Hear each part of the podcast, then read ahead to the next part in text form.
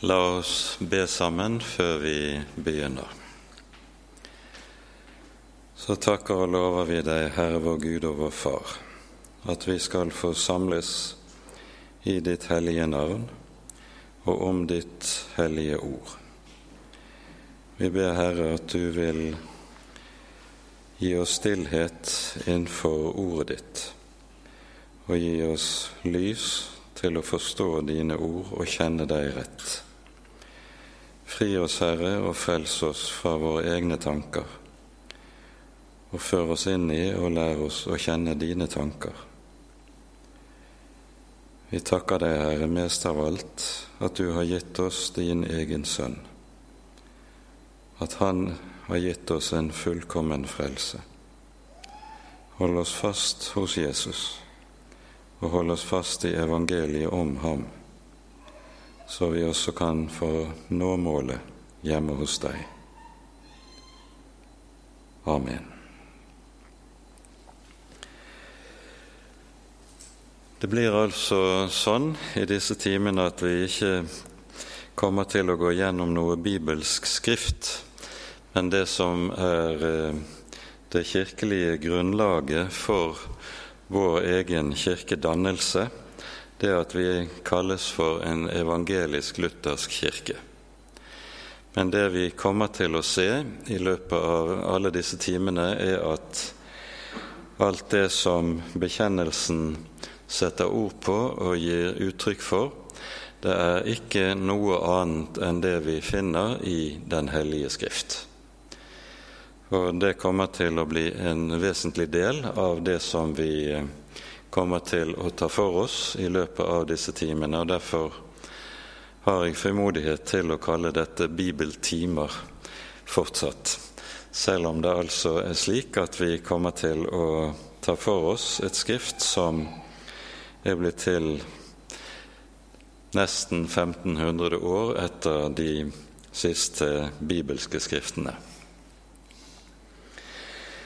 Den augsburgske bekjennelsen den ble formulert i 1530 og har sin helt bestemte historiske bakgrunn og kontekst.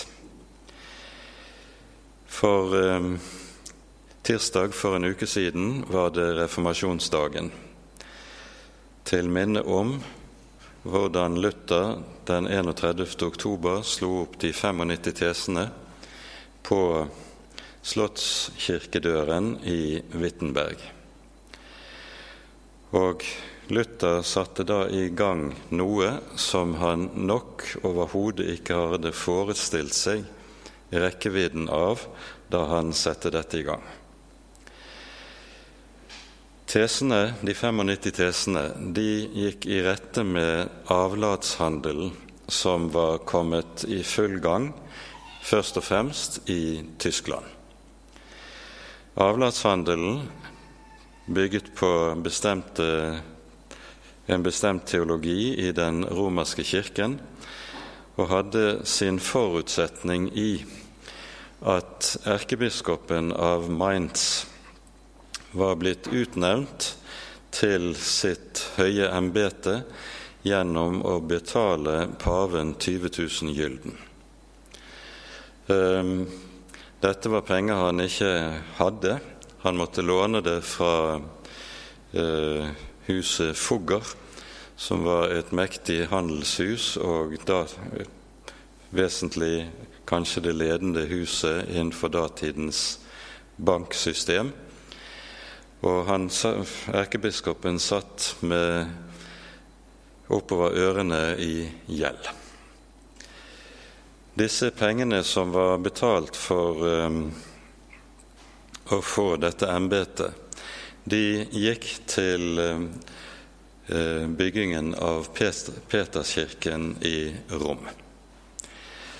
Den gamle Peterskirken var revet, og paven ønsket å reise en ny kirke. Og det er den vi kjenner i dag om du reiser til Roma. Og så fantes det, hadde man da den læren i den katolske kirke at når et menneske dør, så vil det, uansett hvor meget det har bestrebet seg på å leve som en kristen, bekjempe sine synder og gå i Jesu fotspor, så vil det alltid være meget av synd og urenhet igjen i et menneskes hjerte. Det betyr at etter døden så må mennesket eh, gjennomgå en renselsesperiode. Og denne renselsesperioden den skulle utstås i det som kalles for skjærsilden. Det som var mulig i, etter katolsk tenkning den gang, og fortsatt er gjeldende teologi i den romersk-katolske kirke, er at ved bestemte fromhetsgjerninger så kan en forkortet ned tiden i skjærsilden. En kan f.eks. kjøpe messer som leses for de døde. Det korter ned tiden i skjærsilden. Og en kunne gjøre diverse andre fromhetsgjerninger.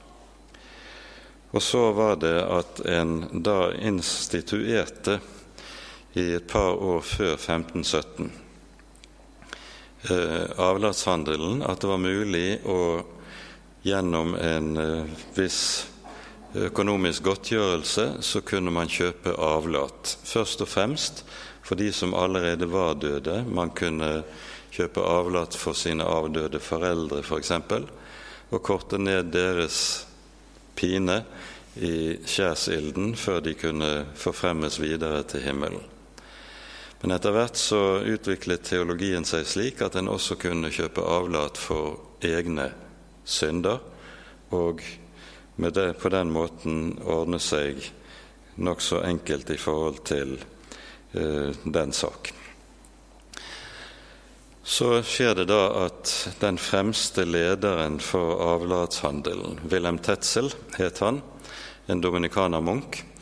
Han ankommer i området der eh, Martin Luther bor og virker, i Wittenberg i delstaten Saksen.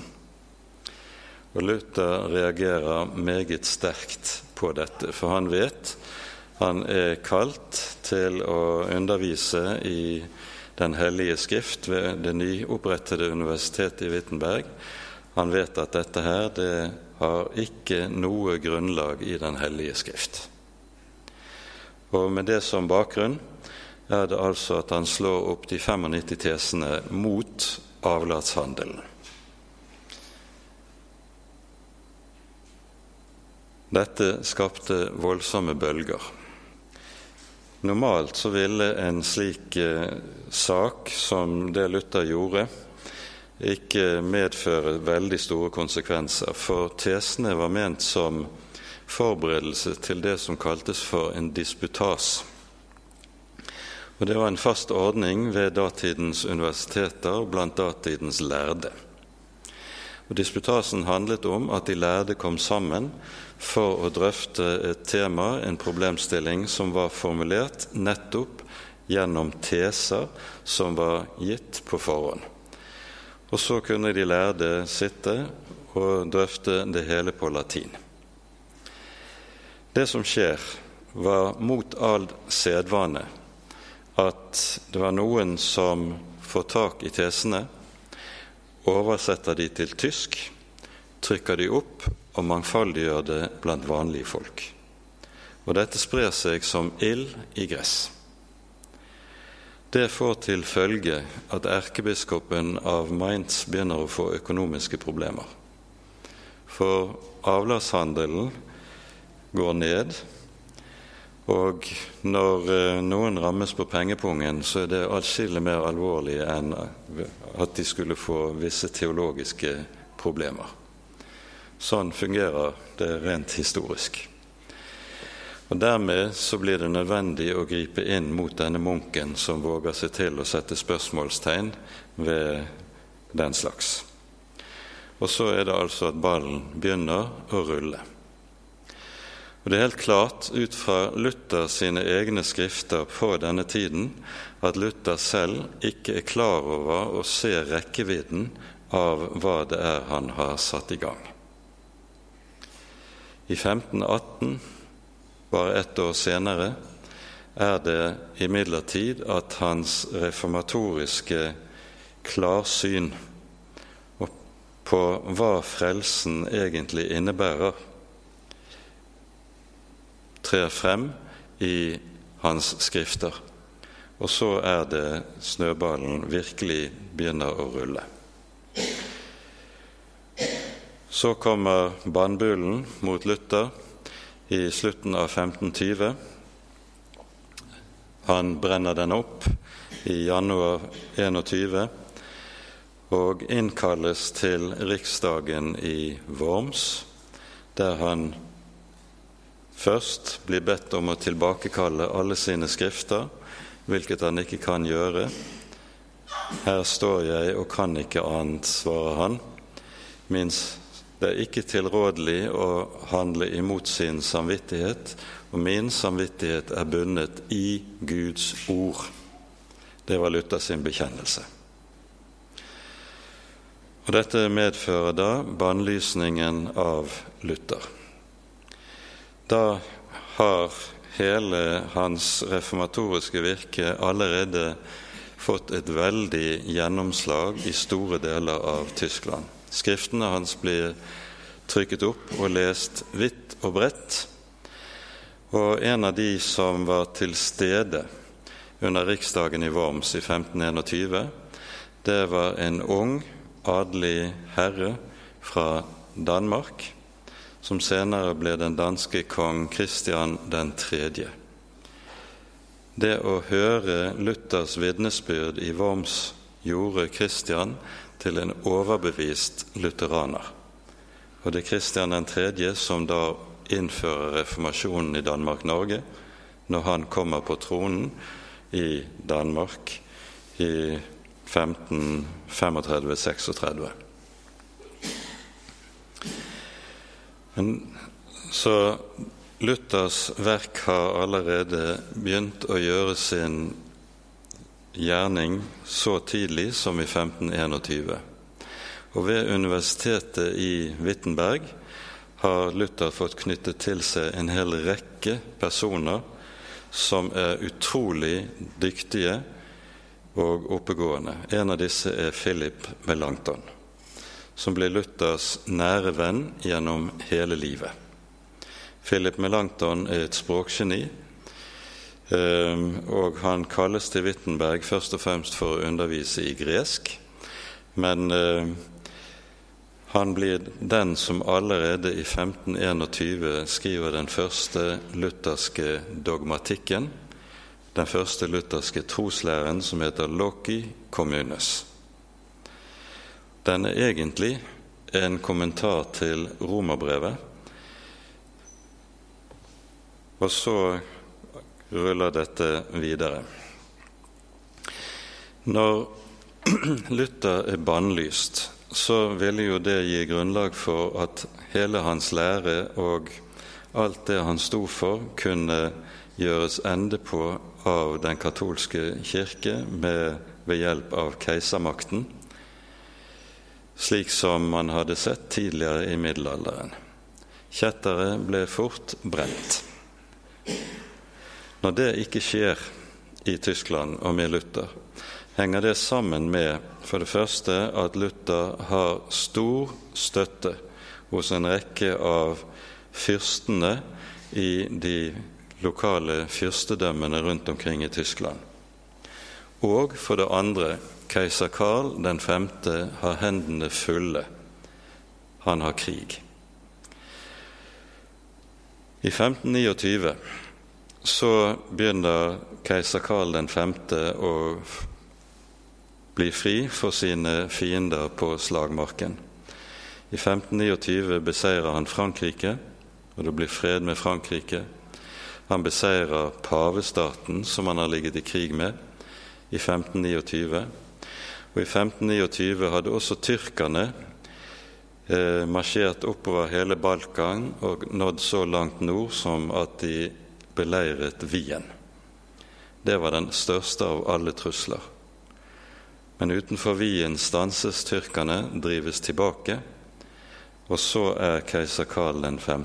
Nå kan han konsentrere seg om problemene, religionsproblemene, i sitt eget rike. Han innkaller da til riksdagen i Augsburg sommeren, juni måned, eller det er juni og juli måned 1530. Her innkalles de lutherske fyrstene til å avlegge regnskap for sin tro. Det som var keiseren sitt problem, det er å ha et religiøst splittet Tyskland. Det var noe som var problematisk for ham. Eh, hvis han ikke hadde støtte fra alle de tyske fyrstedømmene, ville han også svekkes militært i forhold til de fiender han sto overfor i øvrig i Europa. Så det er helt nødvendig for han å ha et forenet Tyskland i ryggen pga. den politiske og den militære situasjonen. Den lutherske reformasjonen hadde avfødt en sterk splittelse mellom de ulike tyske fyrstedømmene. Og i middelalderen var det slik at tenkningen jo gikk ut på dette én Gud, én keiser, ett folk, én tro. Og det å ha et rike som var delt trosmessig, det var helt utenkelig etter eh, det som var tenkemåten i hele samtiden. Derfor var splittelsen religiøst, som reformasjonen hadde medført, mellom lutherske fyrstedømmer og katolske fyrstedømmer, et veldig problem for keiseren. Ønsket hans er derfor å innkalle til en riksdag for om mulig å komme til enighet, for om mulig å få slutt på denne splittelsen. Så keiseren har altså en vesentlig politisk dagsorden som ligger til grunn for, sin, for dette. Samtidig er keiser Karl 5. dypt troende katolikk, hvilket viser seg senere når han begynner å bli en eldre mann. Abdiserer han og går i kloster for sin egen del og overlater Eh, keisermakten til første omgang sin bror. Men dette er altså situasjonen.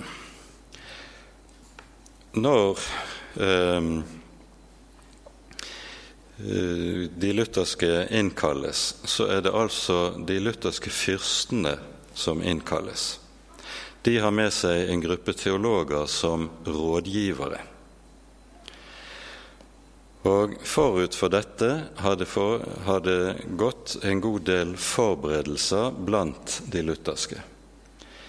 Det var en samling i slutten av 1529 eh, og i begynnelsen av 1530 i Torgau, der man stilte sammen en hel rekke artikler der man gikk i rette med misbruk som var oppstått i den katolske kirke under middelalderen f.eks. klosterløftene, bønn til helgene, forbudet mot ekteskap for prester og, eh, og munker, messeofferet messeoffere pluss, pluss, pluss. En hel rekke slike misbruk. Det var adressert i de såkalte Torgau-artiklene. Men når de ankommer i god tid, som de gjør det, til eh, Augsburg, får de vite at den ledende katolske teologen som het Johan Eck, og som Luther hadde vært i kamp med teologisk eh, allerede i 1519 Han har sammenstilt 404 artikler der han hevder på 404 forskjellige punkter har den lutherske tro og Luther selv vist seg å være kjetter. Og Da skjønner de, den lutherske delegasjonen her er det nødvendig å gå langt grundigere til verks. Og så er det at Melankton, sammen med tre andre nære medarbeidere teologisk, gir seg til å utarbeide et svar på X sine anklager. Og i dette svaret så er det at Melanktons også står i korrespondanse med Martin Luther. Luther var jo bannlyst, hadde ikke lov til å komme til eh, Augsburg. Han ville umiddelbart blitt arrestert og antagelig nokså fort også henrettet om han hadde vist seg. Men Melankton og Luther korresponderer meget tett under arbeidet med den bekjennelsen som skal avlegges. Og så kommer dagen, 25. juni 1530 er hele riksdagen samlet, de lutherske fyrstene sammen med Melankton, og de leser opp den augsburgske bekjennelsen høyt på tysk. Den oversettes også til latin, og keiseren får den latinske oversettelsen overgitt i gave.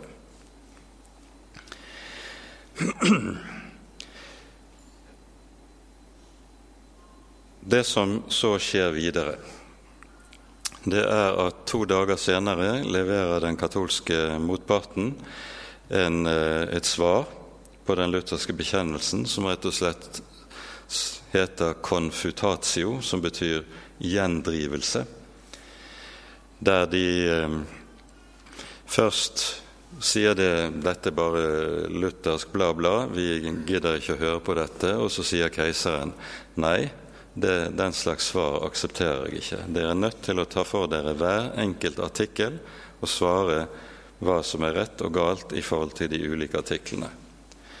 Så når konfutatio kommer, så går de gjennom relativt detaljert den augsburgske bekjennelsen og svarer det og det kan vi godta, det og det kan vi ikke godta. Det som skjer i fortsettelsen av dette, er at Melankton så skriver et forsvarsskrift for den lutherske bekjennelsen. Forsvarsskriftet heter Apologien. Ehm, keiseren nekter å høre på det. Han mener det at det katolske svaret er fullgodt, og synes ikke det er noen som helst grunn til å besvære seg videre med problemstillingene her.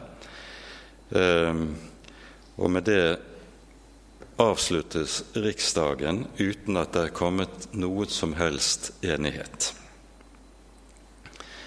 Men de lutherske fyrstene står ved sin trosbekjennelse og vet at dette gjør de med fare for eget liv. Overskriften til den augsburgske bekjennelsen det er hentet fra Salme 119, vers 46. Der står det:" Jeg vil tale om dine vitnesbyrd for konger, og skal ikke bli til skamme. Det er overskriften som angis. Og så eh, forblir da dette etter hvert eh, det som er grunnlaget for alle lutherske kirker i, ellers omkring i verden. Det som skjer historisk i fortsettelsen av dette, det er at eh, det blir krig mellom de lutherske fyrster og keiseren først uh, i året etter Luthers død, i 1546. Her, denne krigen vinner keiseren, og han tvinger igjennom det som kalles for Augsburg interim. Det er en fredsslutning der de lutherske tvinges til kompromisser på en hel rekke områder. Eh, noe som blir helt umulig å svelge. Freden varer i noen par år, og så får du en nytt krigsutbrudd og i 1555 er det de lutherske fyrstene som seirer i krigen. Det inngås fredsavtale, og freden i Augsburg innfører et grunnprinsipp som senere, helt frem til opplysningstiden, kom til å bli rådende for religionspolitikken i hele Europa, nemlig cuius regio eius religio, heter det på latin. Den som regjerer sin religion, skal også være folket sin religion. Det vil si, helt konkret fikk det til følge at er fyrsten katolsk og har lutherske undersåtter i sitt rik fyrstedømme, så skal undersåttene enten konvertere til katolsk tro, eller de tvinges til å utvandre. Og motsatt. Er fyrsten luthersk og har katolske undersåtter, så står de overfor det samme valg. Og dette, Denne religionsfreden i Augsburg kom altså til å bli retningsgivende for religionspolitikken helt frem til opplysningstiden i Europa. Det som Unnskyld.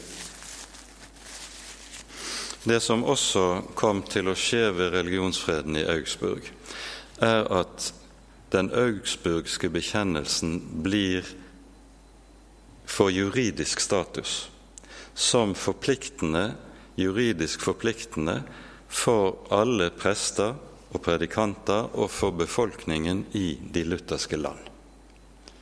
Forut for dette hadde det vært en trosbekjennelse som man kunne slutte seg til som bekjennelse, men nå får den altså juridisk status.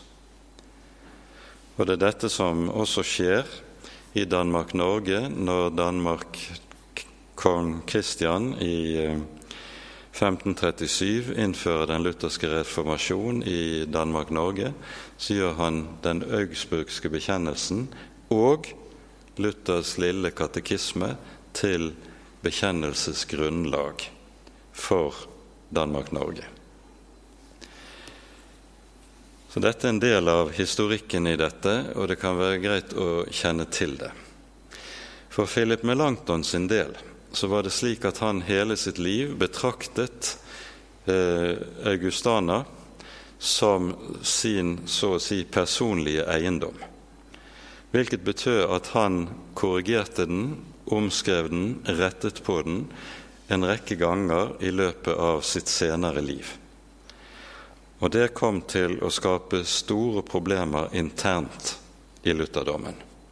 Fordi Melanchthon i utgaven som kommer ut i 1539-1540, kommer med en, en endret eh, utgave av Augustana der han kommer den katolske kirke i møte i frelseslæren og kalvinske tenkning i møte, likeledes også i frelseslæren. Og dette kompromisset som Eh, Melanchthon er villig til å inngå, skaper store problemer internt i de lutherske kirkene.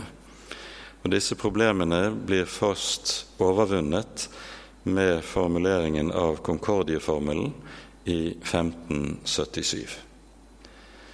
Så det er en komplisert historie dette. Og Derfor er det også slik at det som er grunnlaget for de lutherske kirkene, er den uforandrede augsburgske bekjennelsen.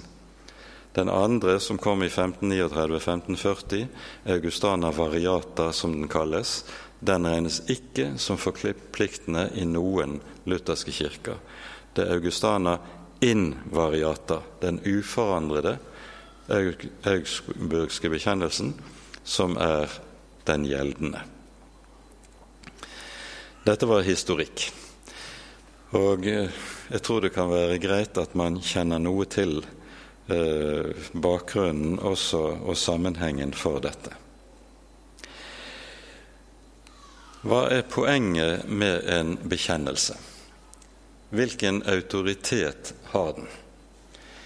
Det man gjerne sier i luthersk teologi, det er at man skilner mellom to ulike former for normativitet. Teologisk er det formulert slik man skiller mellom det som kalles for norma normans og norma normata.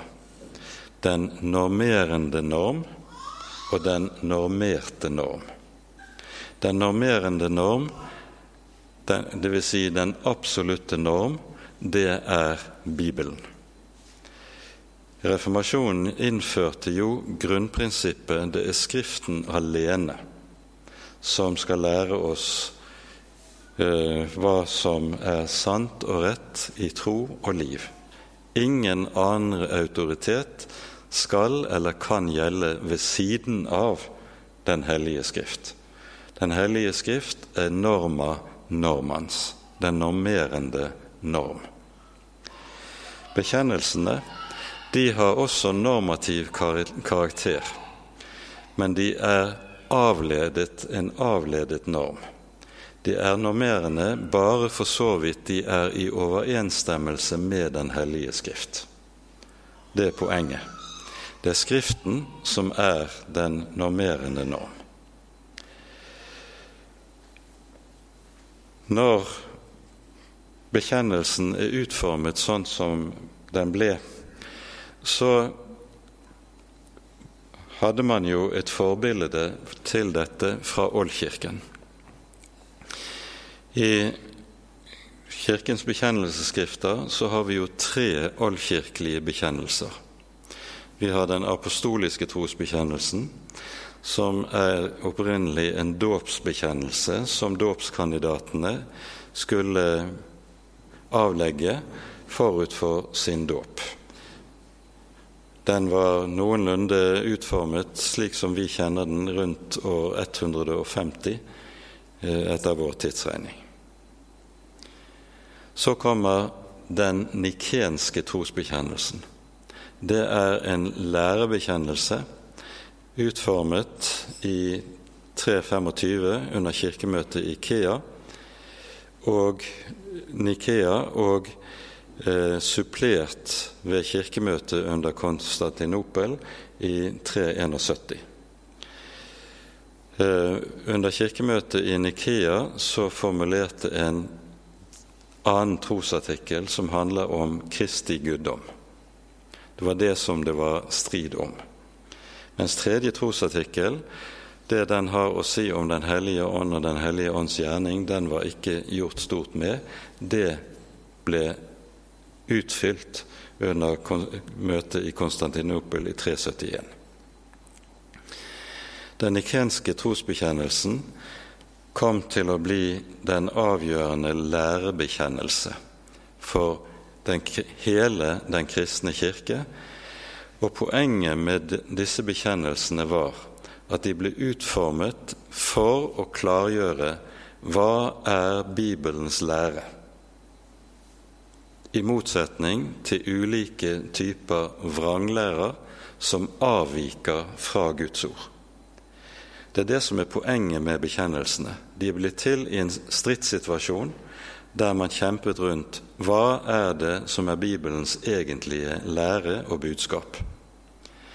Og Det Kirkemøtet i Nikea gjør, det er at de sammenfatter det grunnleggende i Bibelens lære om Kristi person. Hvem er Jesus? Hva innebærer det når vi tror, med utgangspunkt i Den hellige skrift, at Jesus både er Gud og menneske? Sann Gud av sann Gud, ikke skapt, men født av Faderen fra evighet. Hva betyr det? Her er det slik at Bibelen formulerer seg paradoksalt på en sånn måte at det er Om man prøver det, å få det til å gå opp i en enkel formel rent tankemessig, så er det umulig å få det til. Hvordan kan den allmektige Gud bli et avmektig menneske, et foster i mors liv, samtidig være allmektig og samtidig være et avmektig foster i mors liv?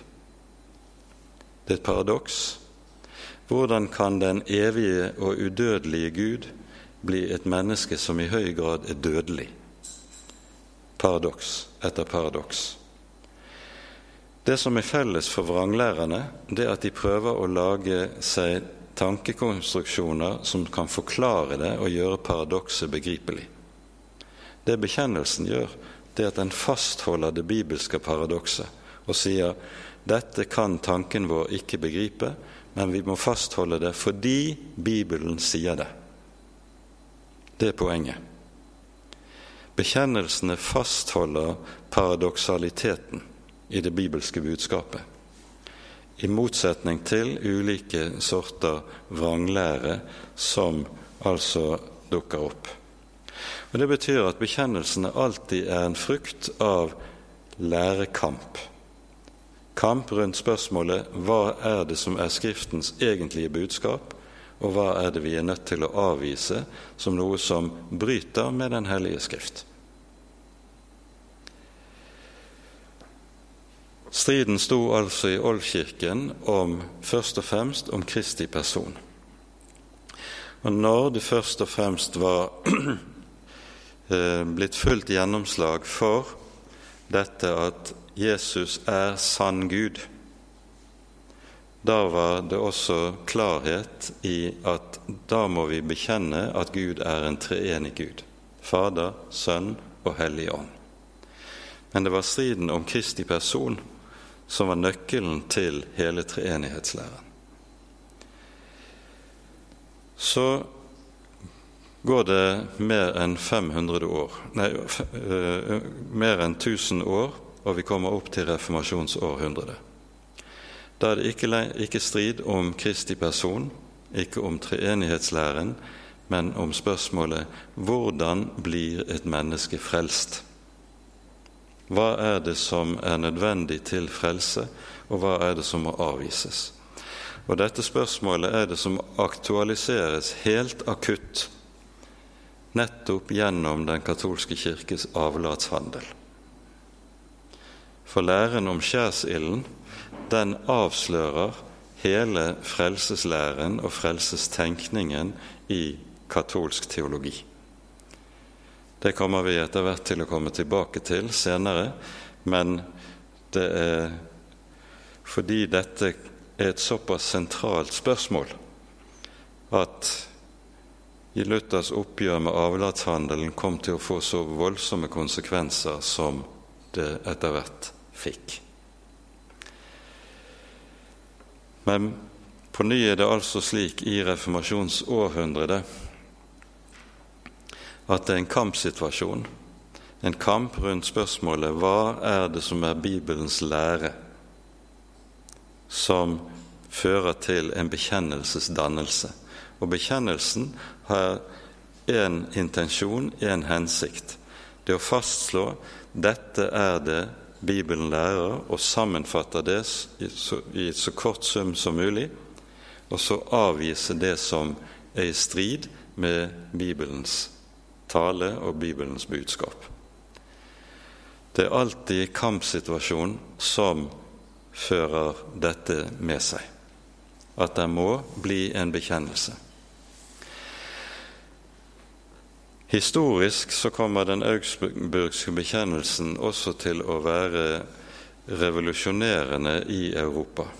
Forut for eh, 1530 så har alt som er av kristenhet og kirker, det har regnet seg som en del av en én kristenhet under paven. Relasjonen til paven kunne være noe ulikt, men likevel. Det var én kristenhet. 1530 får du et brudd. du får en ny kirkedannelse som er fundamentert i en bekjennelse. Og fra det tidspunkt av så kommer alle nye kirker og kirkedannelser som blir til, de kommer til å bli bekjennelseskirker. Den første som kommer etter, er den katolske kirke. Den katolske kirke har sitt konsil i Trent, i Tridentina-konsilet kalles det, fra 1546. er samlet tre sesjoner frem til 1563, der en fastslår hva som er bindende katolsk lære. Og motstanderen er den lutherske kirkes tro og bekjennelse. Det Tridentinerkonsilets bekjennelse er helt bevisst forkastelse av den lutherske tro, lære og bekjennelse. Og Tridentinerkonsilets læredannelse forbanner uttrykkelig det som den lutherske kirke bygger på som grunnleggende lære for frelse. Forbannet er den som sier at troen alene frelser et menneske for Jesus skyld. Dette sies uttrykkelig i Tridentinerkonsilet. Så tror du slik som vi bekjenner det og tror det etter luthersk evangelieforståelse, så er du altså forbannet av Tridentinerkonsilet. Dette er den kirkelige realiteten. Når etter hvert de reformerte kirkene med opphav i Calvin og Genéve blir til, så danner de også bekjennelser. Så alle kirkedannelser som kommer etter denne tid, det er kirkedannelser som er fundamentert i en lærebekjennelse. Dette er noe som er helt nytt rent kirkehistorisk. Og her er altså augustaner noe som danner pløyer vei for en helt ny epoke rent kirkehistorisk, og en helt ny kirkeforståelse. Fra dette tidspunkt av er alle kirker å forstå som kirker som er definert av sin bekjennelse. Og dette skal vi være klar over. Bekjennelsen er også kirkedefinisjon. Bekjennelsen har den helt bestemte rolle at den definerer hva som er vår selvforståelse. Den definerer ikke bare hva som er vår trosforståelse, hvordan vi leser Skriften, hvordan vi forstår Skriften, men den er også helt basal når det gjelder hvordan vi skal definere og forstå oss selv som troende og som Guds folk. Dette hører med i dette. Dette er så mye som skal sies om denne sak, bortsett fra at vi må legge til noe grunnleggende i dette. For vår bibel har faktisk ganske mye å si om bekjennelse og bekjennelsens betydning. Bekjennelsen er alltid, slik Bibelen underviser om det, grunnleggende med tanke på frelsen. Tenk bare på hva Jesus sier i Matteusevangeliets tiende kapittel. I vers 32 og 33 sier Jesus følgende.: Derfor, vær den som bekjenner meg for menneskene, ham skal også jeg kjennes ved for min Far i himmelen. Men den som fornekter meg for menneskene, ham skal også jeg fornekte for min Far i himmelen. I Romerbrevet i det tiende kapittel skriver Paulus slik Vi leser vers 9 og 10. Dersom du med din munn bekjenner at Jesus er Herre, og i ditt hjerte tror at Gud reiste ham opp fra de døde, da skal du bli frelst. For med hjertet tror en til rettferdighet, og med munnen bekjenner en til frelse.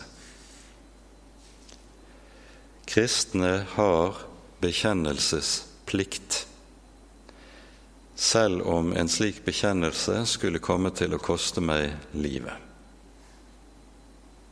Det er dette som er bakgrunnen for martyrenes offer. Det er denne bekjennelse som Jesus taler om i denne sammenheng. I eh, første Johannes brev hentes samme sannhet opp og spisses til meget tydelig. Her står det slik i det fjerde kapittelet eh, i første Johannes brev på dette skal dere kjenne Guds ånd. Hver ånd som bekjenner at Jesus er Kristus, dvs. Si Jesus er Messias, kommet i kjød, er av Gud. Hver ånd som ikke bekjenner Jesus, er ikke av Gud. Dette er antikristens ånd. Bekjennelsen er altså noe som avslører om en hører Kristus til eller antikristen. I kapittel 2 i 1. Johannes brev står det slik i det 23. verset Vær den som fornekter Sønnen, har heller ikke Faderen. Den som bekjenner Sønnen, har også Faderen. Her har du både et ja og et nei. Bekjenne og fornekte som de to store motsetningene. Bekjennelsen er alltid fundamentert i Guds ord. Og Derfor er bekjennelsen til Kristi person ensbetydende med bekjennelse til Guds ord. Dette er noe vi leser også i Det nye testamentet. Paulus sier i sitt første forhør når han står for, eh, for eh, Felix, landshøvdingen Felix, og skal eh, gjøre rede for sin tro og bekjennelse, så sier han bl.a. i apostelgjerningen i 24 vers 14.: Det vedgår jeg for deg, at etter den vei som de kaller for en sekt, tjener jeg våre fedres Gud slik at jeg tror alt det som står skrevet i loven og profetene. Det som her er oversatt med ordene 'det vedgår jeg for deg', det er det samme ordet som ellers i, i Nytestamentet er oversatt med å bekjenne. Det bekjenner jeg for deg. Paulus sin bekjennelse består altså i at han sier 'Jeg tror alt som står skrevet i loven og profetene'. Og Derfor hører vi også Jesus si uttrykkelig i Markusevangeliet i det åttende kapittel, i vers 38, så sier Jesus følgende:" Den som skammer seg over meg og mine ord i dennes utro og syndige slekt, han skal også menneskesønnen skamme seg ved når han kommer i sin Faders herlighet. Legg merke til at Jesus setter likhetstegn mellom å bekjenne seg eller skamme seg ved ham eller å skamme seg ved hans ord. Det er to sider av samme sak. Du kan ikke ha ett forhold til Jesus og et annet forhold til ordet hans. Den som skammer seg ved meg og mine ord, det er samme sak. Han skal også menneskesønnen skamme seg ved. Dette er det grunnleggende i dette. Rent språklig så betyr ordet 'bekjenne' å si det samme som. Når Jesus altså taler om at vi skal bekjenne, så sier Jesus med det at den som bekjenner, han sier det samme som Gud har sagt forut, nemlig i Den hellige skrift. En sann bekjennelse, det er intet annet enn å si det samme som Den hellige skrift sier. Derfor er det slik at det som er Kirkens rette bekjennelser, det er intet annet enn sammenfatninger av hva Bibelen har å si på det ene eller på det andre området i møte med ulike typer avvik fra Guds ord, vranglære, i forhold til det som er Bibelens budskap. Å bekjenne betyr å si det samme som. Og dette er nettopp det som kjennetegner all sann kristen tro, det er at sann kristen tro sier ikke noe annet enn det Bibelen sier. Den sier ikke noe mer, den sier heller ikke noe mindre. Dermed så blir det også temmelig avslørende når vi kan høre damen som sitter på Oslo bispestol for noen uker tilbake i forbindelse med diskusjon om samlivsetikk, skriver en artikkel i avisen Vårt Land som bærer overskriften som følger Vi tror på kjærlighetens Gud, ikke på Bibelen. Tror du ikke på Bibelen, så tror du ikke på Bibelens Gud. Da tror du på en annen Gud. Det er dypest sett en annen religion når en ikke vil bekjenne seg til Den hellige skrift. For å bekjenne det er å si det samme som. Dette er helt avgjørende, og derfor er det nettopp i denne sammenheng også så viktig å minne om Jesu ord i Markus 8. Den som skammer seg ved meg og mine ord.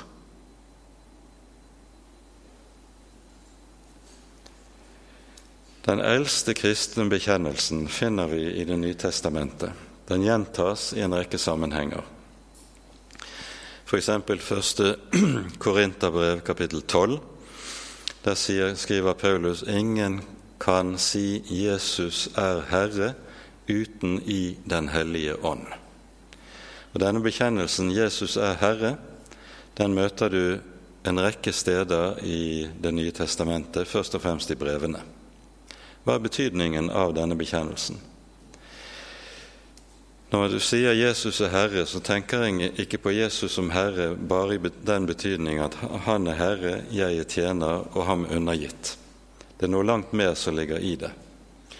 For ordet 'Herre', Kyrios, som er det greske ordet, det er den, det navnet som vi møter i Det gamle testamentet som Guds navn. Guds navn kunngjøres for Moses ved tårnebusken når Herren sier 'Jeg er den jeg er'. Så skal du si til Israels barn 'Jeg er har sendt deg'. Dette Guds navn på, på hebraisk ble det skrevet med fire, fire konsonanter, ble aldri uttalt av jødene. Det dukker opp gudsnavnet mer enn 6000 ganger i Det gamle testamentet. Men hver gang disse fire bokstavene i Guds navn dukker opp, så uttaler altså jødene det ikke når de leser fra Skriften, men sitter inn en annen navn i stedet, nemlig ordet som betyr Herre, Kyrios. Så bekjennelsen 'Jesus er Herren' den sier egentlig 'Jesus er Det gamle testamentets Gud'. Jesus er den som åpenbarte seg for Moses og sa 'Jeg er den jeg er'. Det er det som ligger i bekjennelsen. Den eldste kristne bekjennelsen er altså en bekjennelse til Kristi guddom, en bekjennelse til at Jesus er den Gud som åpenbarer seg i Det gamle testamentet, og dermed en bekjennelse som knytter sammen åpenbaringen i Det gamle og Det nye testamentet til en uløselig enhet. Det er den eldste kristne bekjennelsen. Og dette er bakgrunnen for den bekjennelsesdannelsen som du så senere finner når sitt høydepunkt med den nikenske bekjennelsen, og formuleres som lærebekjennelse på begynnelsen av 500-tallet i den såkalte atanasianske bekjennelsen. Her trekker man de teologiske konsekvensene av hva det vil si at Jesus er Herren, Gud. Den som sier 'Jeg er den jeg er'. Går vi nå til Augustana, så vil vi finne at den første artikkelen i Augustana den handler nettopp om dette. Vi leser artikkel 1 i den augsburgske bekjennelsen. Menighetene hos oss Legg merke til dette. Her sies det ikke 'teologene hos oss lærer', men det sies 'menighetene'. Det er en bekjennelse som er forankret i den troende menighet, i Guds folk. Menighetene hos oss lærer med full enstemmighet at den nikenske synodes dekret om det guddommelige vesens enhet og om de tre personer er sann og bør tros uten enhver tvil, nemlig at det er ett guddommelig vesen som både kalles og er Gud, evig, ulegemlig, udelelig av umåtelig makt, visdom og godhet, alle tings, de synliges og usynlige skaper og oppholder, og at det dog er tre personer av samme vesen og makt, like evige, Fader, Sønn og Hellig Ånd, Og de bruker ordet person i den betydning hvor kirkefedrene brukte det i denne saken, nemlig til å betegne ikke en del eller en egenskap ved noen annen, men det som består i og ved seg selv.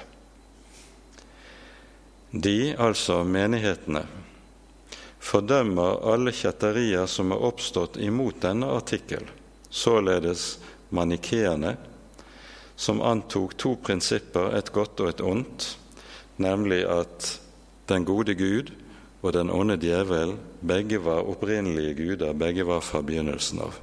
Det var manikeernes lære. Dette avvises uttrykkelig. Det er bare Gud, skaperen, som er av evighet.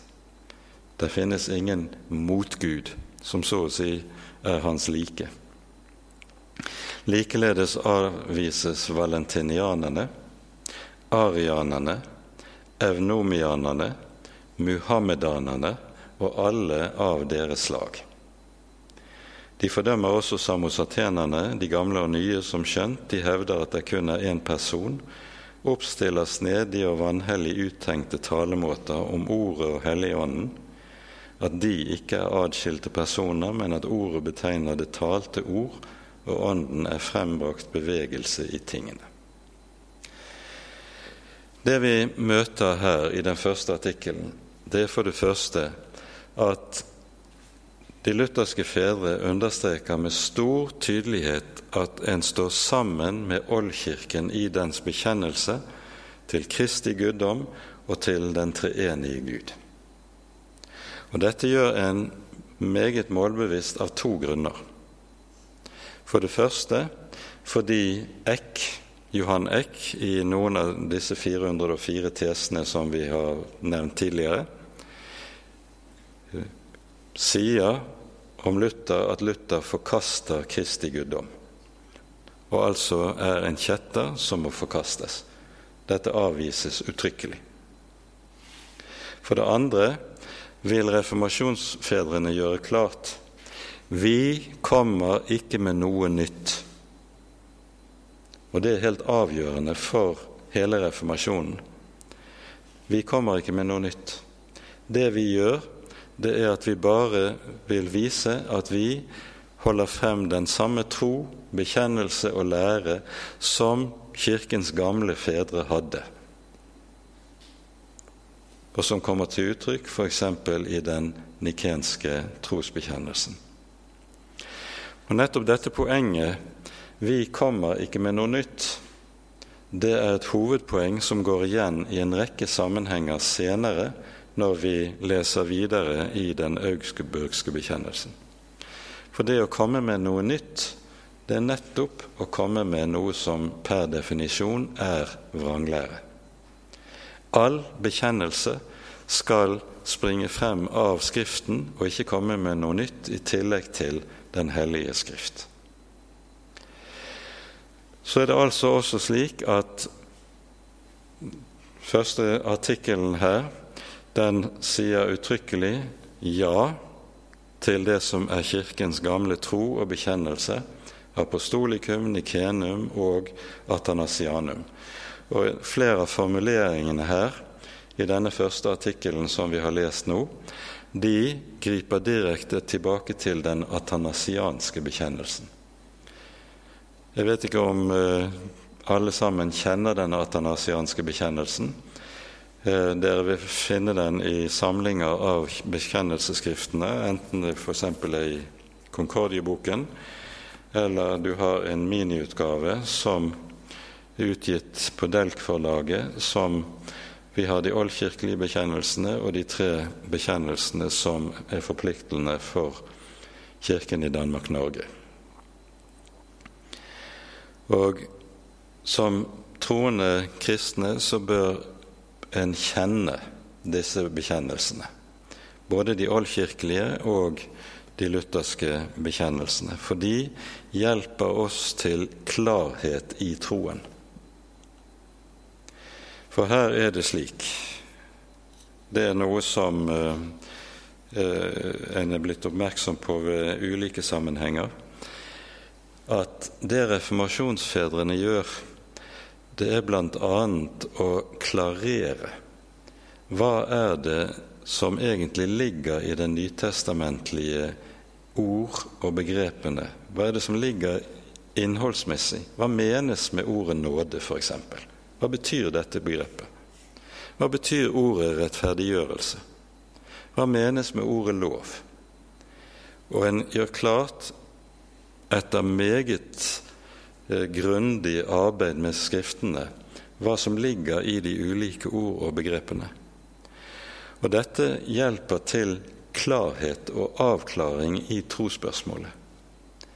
Og nettopp det som har med klarhet i troen, er noe som er avgjørende for hele reformasjonen.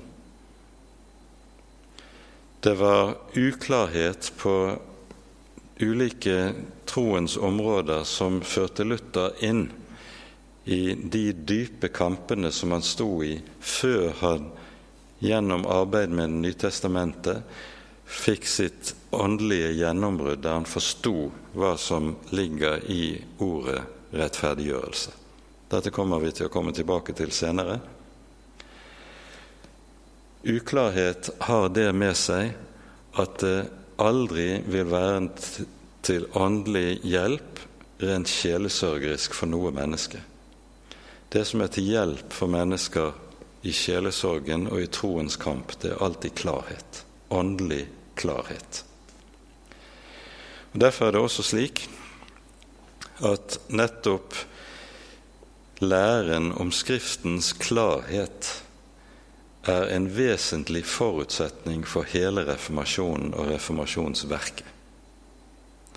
Dette må vi også komme tilbake til senere. Det vil føre for langt å gå inn på det i aften. Vi nærmer oss det, det tidspunkt der vi må sette punktum.